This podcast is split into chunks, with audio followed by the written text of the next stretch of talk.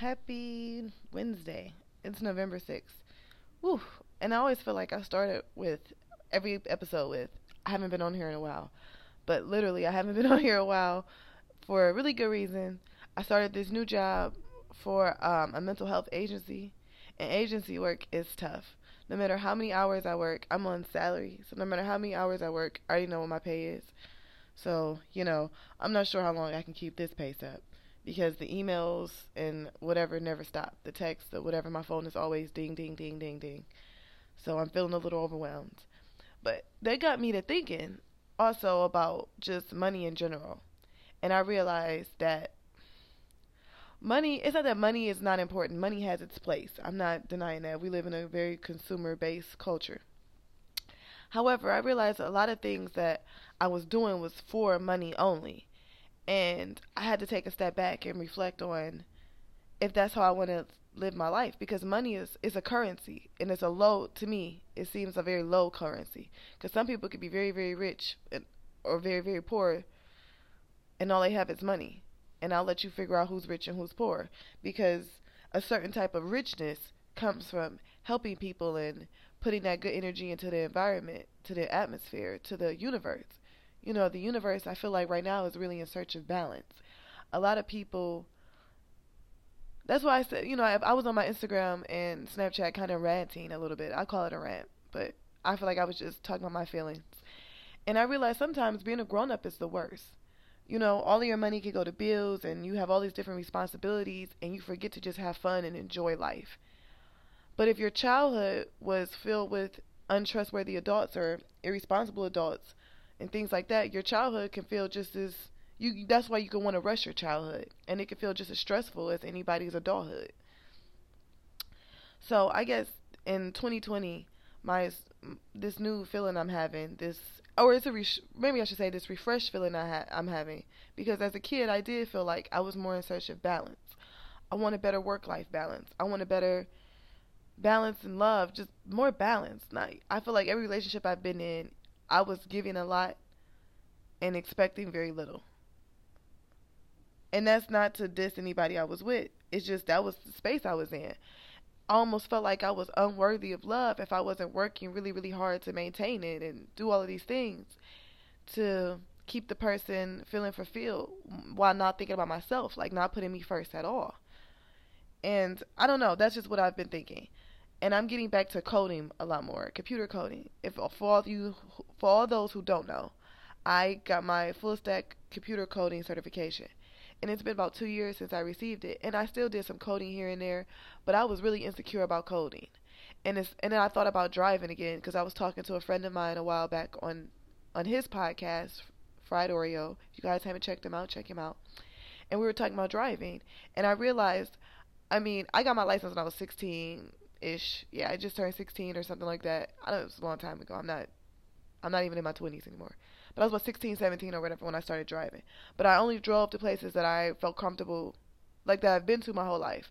I'm an east sider. I live on the east side of Cleveland. I'm an east sider all day. So if I had to drive to the west side, I wouldn't take the freeway or anything like that because I was so scared of getting lost. I was just so afraid of things going that I couldn't control.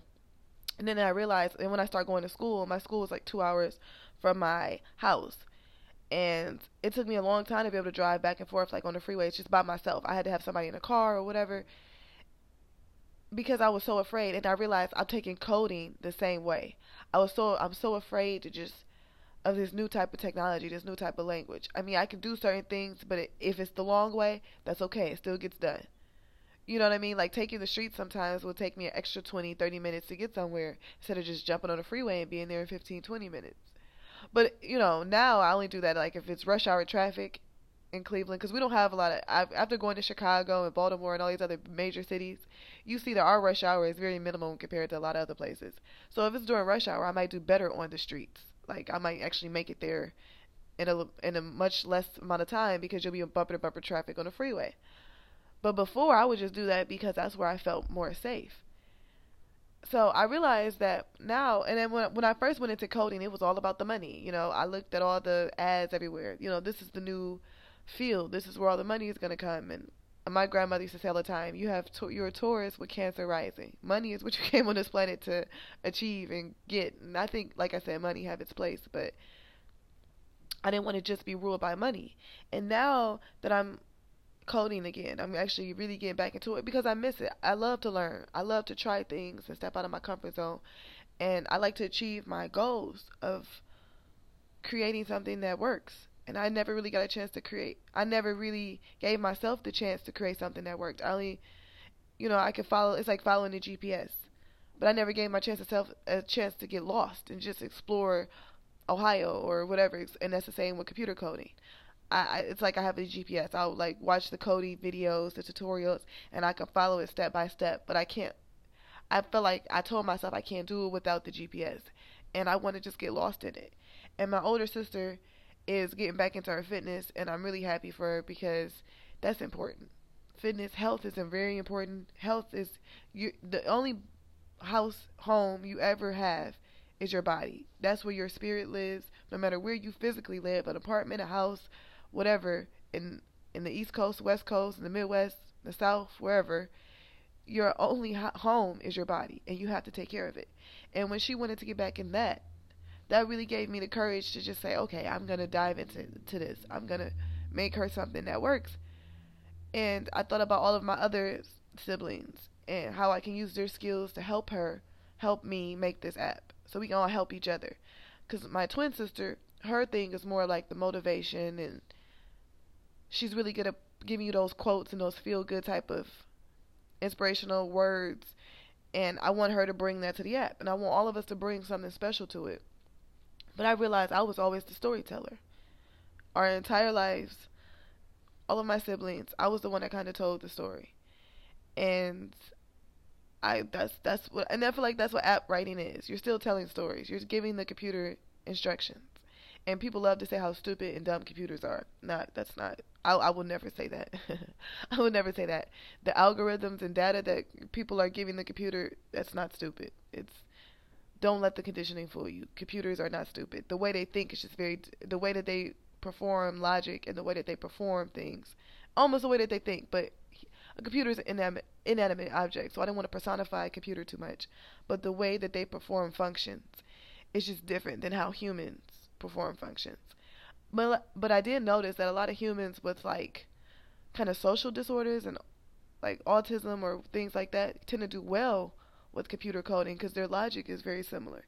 It's this way, it's yes or no, it's black and white. So it's just something to think about. But I just want this because the November and December, the last two months of this year, and I'm happy that 2019 is over. It was because I'm just ready to keep moving forward, to try something new, to to spread my wings a little bit more. I feel like these last couple of years, period. Not just, and I, I prefer even numbers. I do better with even numbers. I'll be 32 this year, May 2nd. See, listen to all my twos. May 2nd, that's two. I'll be 32, my twin and I. And on May 3rd, her daughter is turning two. and on May 15th, our brother is turning 22, our youngest brother. So it's just a world full of twos, and I, it's a nice even number. So I'm excited for 2020 for that reason alone. But um I hope everybody else is excited for the new year. And I hope whatever you're winding down in this year, you can just reflect. Because I feel like a lot of people have these New Year's resolutions every year is to be a, the best and better them. Start small. Make a smaller goal. Maybe it's to, if you wake up every day and do two jumping jacks. Let's start there for the first week. And then maybe you'll do three the next week. You know what I'm saying? People make these huge goals because you just want to transform your life in one day. And after 11:59 to to to 12 a.m., you want to just transform your life. And I realize in American culture, we're kind of fed that through a lot of our entertainment slash conditioning, because we could see a whole house, extreme home makeover, be renovated and changed in a night, in a day, you know, with given all the right tools and the right people. And I feel like sometimes we have to enjoy the transformation. It takes time. That's why I feel like if we go to nature to learn our lessons, we'll do better. Because the classroom is a social construct. You know, the the buildings that are created have human have human DNA, have na- has nature's DNA in it. we need trees to make desks and to make buildings, to make walls and all these things, right? Which is originally from nature, but the DNA is controlled now. A chair still have all the DNA of a tree, but the molecules only move in the one direction now. The way that the chair is created, it has one function at this point. The everything moves in one way, but a tree has roots and leaves, all these different things. So if we cut out the somewhat you have to find balance in that. If we but if we cut out some of the social construct and just go back to nature we'll see that the process is actually a lot slower than we're used to seeing. But we've been conditioned to want to speed everything up. And that's where i am now. That's why i am with the coding with the computer coding.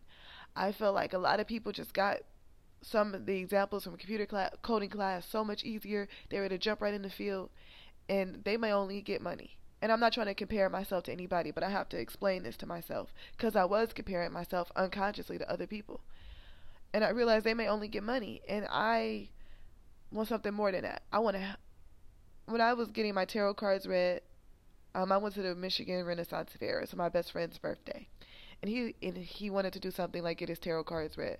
I would never pay twenty five dollars to get my tarot cards read. I have my own deck of tarot cards. I'll go to the internet to look at some of the YouTubers who do it. Tyler's Tarot is probably my favorite. Hello, it's Tyler's Tarot in the house. Shameless plug. Check him out on YouTube if you wanna, if you're into tarot cards. Cause all tarot cards is just pulling the energy. That's it. But she read my cards, and the first thing she said as I was shuffling is, "You have healing hands." And I just that hit me kind of hard because I thought about how I try how I've healed myself from a lot of pain and conditioning and a lot of just issues that I've angst, growing pains that I've dealt with in my life. Then I thought about my twin sister. When we were born, we were premature, and she had a lot more health problems than I did. And they sent me home. I was in the hospital for like three months. She stayed for almost another six. And when they put us back together, they put me in the incubator with her. She instantly got better. And I realized she and I healed each other. It's not, but we definitely have that ability to help people. And then as a twin, you're also a mirror. So you get to help other people see themselves clearly. And that's the good, the bad, and the ugly. Okay? Because a lot of times people don't want to see the ugly. They only want to see the good. They only want to see the external. That you can maintain looking beautiful. And sometimes it's through social constructs like surgery and all these other things. But if you don't feel it from the inside, and that's kind of what I feel like I reflect a lot of people's insides. You'll be in a lot of pain still, and you will look like you're not in pain and I appreciate people who for, for, for who works really hard to not to look like what they've been through, but you don't want to forget that you've been through something, if that makes sense. So, I guess I'm just here to talk about that, and also want to talk about some other stuff. It's okay to live your truth. Eh, stop trying to sugarcoat the bullshit. I don't know how else to say it. After watching, I okay, okay. So you all know Tank did an interview with Angela Yee on her podcast, and the comment kind of came up that if a man gives fellatio to another man, or he accepts it from another man twice, it doesn't make him gay. It's okay to say that you're bisexual and gay out here. You know, stop running around here acting like you're not gay. That's not straight.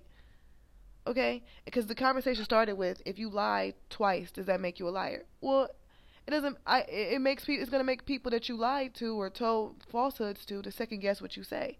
So does it make you a liar? Well, that depends on the person you're talking to. But you can't. I don't feel like you can equate one thing to the next. Then I realized when I was watching some of Angela Yee's old interviews and things when she was on the real. She talked about how her parents were divorced but still live together and still argue about the credit card bills and all these things. So you could tell she's been kind of conditioned her whole life to protect a fantasy, a lie, this idea of a perfect relationship or whatever when she didn't even actually grow up with that. You know, like it's okay to say sh- things aren't perfect and she still tries to act like that's not a uh, like a uncomfortable situation for people to live in if you're not in love. And then she said she don't know if the other people are if her parents are dating other people or not. And to me, that's that's that's a little wild. And that's why I feel like, you know, this I this this feud I guess that's going on with her and Gucci Mane. I think Gucci was telling the truth. He's lived his truth. He's accepted that he was on lean and drugs and all this other stuff, and he owned up to when he needed to apologize I just feel like she wants to have this image of her being this really nice, sweet girl who's only in relationships if she's having sex with people or or being intimate mentally with somebody or anything like that. That she has a hard time accepting truth, just complete truth of maybe sometimes you wanted to just have a jump off situation. If you did and like and you're putting it out on the radio, you know, like her show lip service is about kind of women being sexually free. But it seems like now she just lets other women talk about their stuff and she kind of sits back and co-sign because she's too perfect to make any to do any of this stuff. I don't know. It's just it's not that I'm criticizing her cuz she's clearly doing what she likes to do and she's making her mark in the world.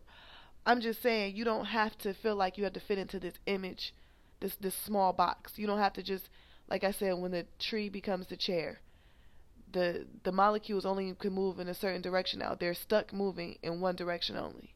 They're, it's a fixed movement. You don't have to be that fixed movement. And I realized when I was in my 20s that people want to put you in this box. I remember when I was a McNair scholar. I don't know if I told this story on here before, but I'll tell it all the time because it really helped me see things clearly in my life. In my 30s now. We went to Morehouse, which is in Atlanta, and Morehouse had hosted all of the schools that came to be a part of the Ronald E. McNair Scholars Program. And originally started out with just African American students, first generation African American students, getting you ready for higher education, first generation normally. Then they opened it to all students of color. So it was like a lot of Latinos, a few Asians, things like that. It was a lot of like people of color, right? But mostly it was black, it started as a black organization.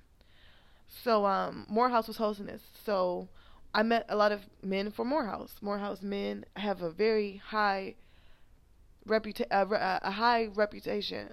Uh, is that the word? Have high standards. Let me say that for themselves and how their reputation precedes them. And one of the Morehouse men and I just became we just vibed right away. And he was talking to me. We are just hanging out. He was explaining to me about the campus and just like a lot of the historic things that took place on this campus, stuff like that, things that I'm into. And as the weekend went on, my advisor felt the need to say I look like a groupie. And looking back, and I said, you know, and I stood my ground. I felt like they tried to do with Royce, what happened to Royce in Basketball Wives. How Evelyn and Susie, the biggest troublemakers and whore-like, showed a lot of whore-like behavior on the show. Susie could talk about blowjobs, and Evelyn could talk about them too and throw bottles at people. But they feel like they had the right to tell Susie, I mean, to tell Royce the way she was dancing was inappropriate because they have daughters and things. So, and Royce was like crying and all these things. That was not me. I said, well, that's unfortunate if a woman talks to men that it looks like this, but that's not what I'm doing. So I'm sorry that people feel that way, but that's not my issue. I had no problem saying, even at 21, I had no problem saying that. That's not my issue. If people want to get to know me, they'll see that I'm not like that. But if they don't want to get to know me, it becomes their issue that they want to judge people based on just what they see. And as a twin, I know what that feels like for people to think I'm the same person as somebody else just because biology will say we're the same because we look alike. But chemistry would tell you that she and I are very different. So I'm I'm I'm so used to that. It really didn't bother me. And when she saw that, she just kept going in on me. And I did not cry in front of her. I went to the bathroom, called my sister and cried, and then she called our parents and they called the office and had a little conversation with everybody. And if I would have told this woman, well, maybe you feel this way because you're overweight, and people don't, you know, in our culture, people don't value that.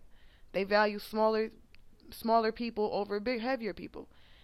So, if I would have said that to her, then I would have been wrong. But she can tell me her opinion in front of everybody. Like we were walking into the breakfast room or the room we have breakfast, or it was a conference area where everybody was convening. She felt the need to say this during that time. And I'm like, you know, I'm think I'm replying to her, holding my ground, like I'm not doing anything wrong. I know I'm not a hoe. At that point in my life, I had, and I told her that, which was none of her business. But I told her I only had sex with one person. I was living with my high school sweetheart, the only guy I had ever been with my whole life. And he and I were not figuring out if we were going to break up or stay together. It was a, a very difficult time for me, but I was still very much in that relationship. And I'm like, just, uh, to, you know, kind of explaining this to her, and that's not what she wanted to hear you know, and I realize some people don't want to hear your story. They don't care. They want you to conform to the way they wanted you to conform. And then there was a Latina girl who was in our group, who was um, from who she graduated from Bowling Green, same as I. And after the conference was over, I went upstairs to my room with my roommates, and I was very upset about what happened. And they were like, "Is that what she was saying to you? That was very inappropriate. She's talking to you. You know, people were saying how they heard bits and pieces of the conversation." So this girl came into my room to tell me she Adrienne Bailon me from 3LW how she did to Naturi. She had every right to say her opinion, and she I said no, she did not. I stood my ground with her. No, she didn't. And then she went on to explain how in her fraternity sorority, because it's a fraternity if it's boys first. Her fraternity, the LSU, the Latino fraternity, that people had to tell her it looked inappropriate when she was hanging out with certain people at certain times. And I told people that, and I told her that people said that were wrong for that. I'm like anybody who will know you know you're not like that. I I've known you for a couple of weeks, and I could tell you're not like that. I could tell the way you were raised. That's not how you are. And if other people who know you longer than me should be able to t- stand up for you in that, and if they can't do that, are they really your friends? And she kind of got quiet, silent on that moment. But in the end, maybe she learned something from that. Or maybe she didn't. I don't know. But here's the thing nobody has any right to tell you how you should live your life. If I was, even if I was, let's say I was giving all these men blowjobs, which I was not doing, but let's say I was, how was anybody else's problem but, but my family's? It's not. So I guess I'm encouraging everybody to just say fuck the bullshit in 2020. You have a right to be yourself. And if you are sexually fluid that way, maybe you should figure out why you're in so much pain where you could just give your intimate body, your intimate self to any and everybody without any requirements for them to give you anything back. You know, now we're giving all these labels like, oh, I'm sexually fluid or I'm this, I'm that. You know, it's okay to say that I'm also hurt. That's what created this type of logic. Because now I think they're justifying so many hurt people instead of trying to heal the hurt person now you just get these labels to make it seem like it's nothing wrong with how you're the coping skills that you have. Because sometimes we don't have enough coping skills especially in the black community. That's my personal opinion. We've been taught just to criticize each other make fun of people all of these other very surface level ways of healing. And i and i'm asking you to try to go deeper in 2020 it's okay to do that. It's okay to say I'm hurting. It's okay to want to talk. I think another reason why I wanted to do this podcast, and I'm still working on the scripted podcast, is because talking can help people heal.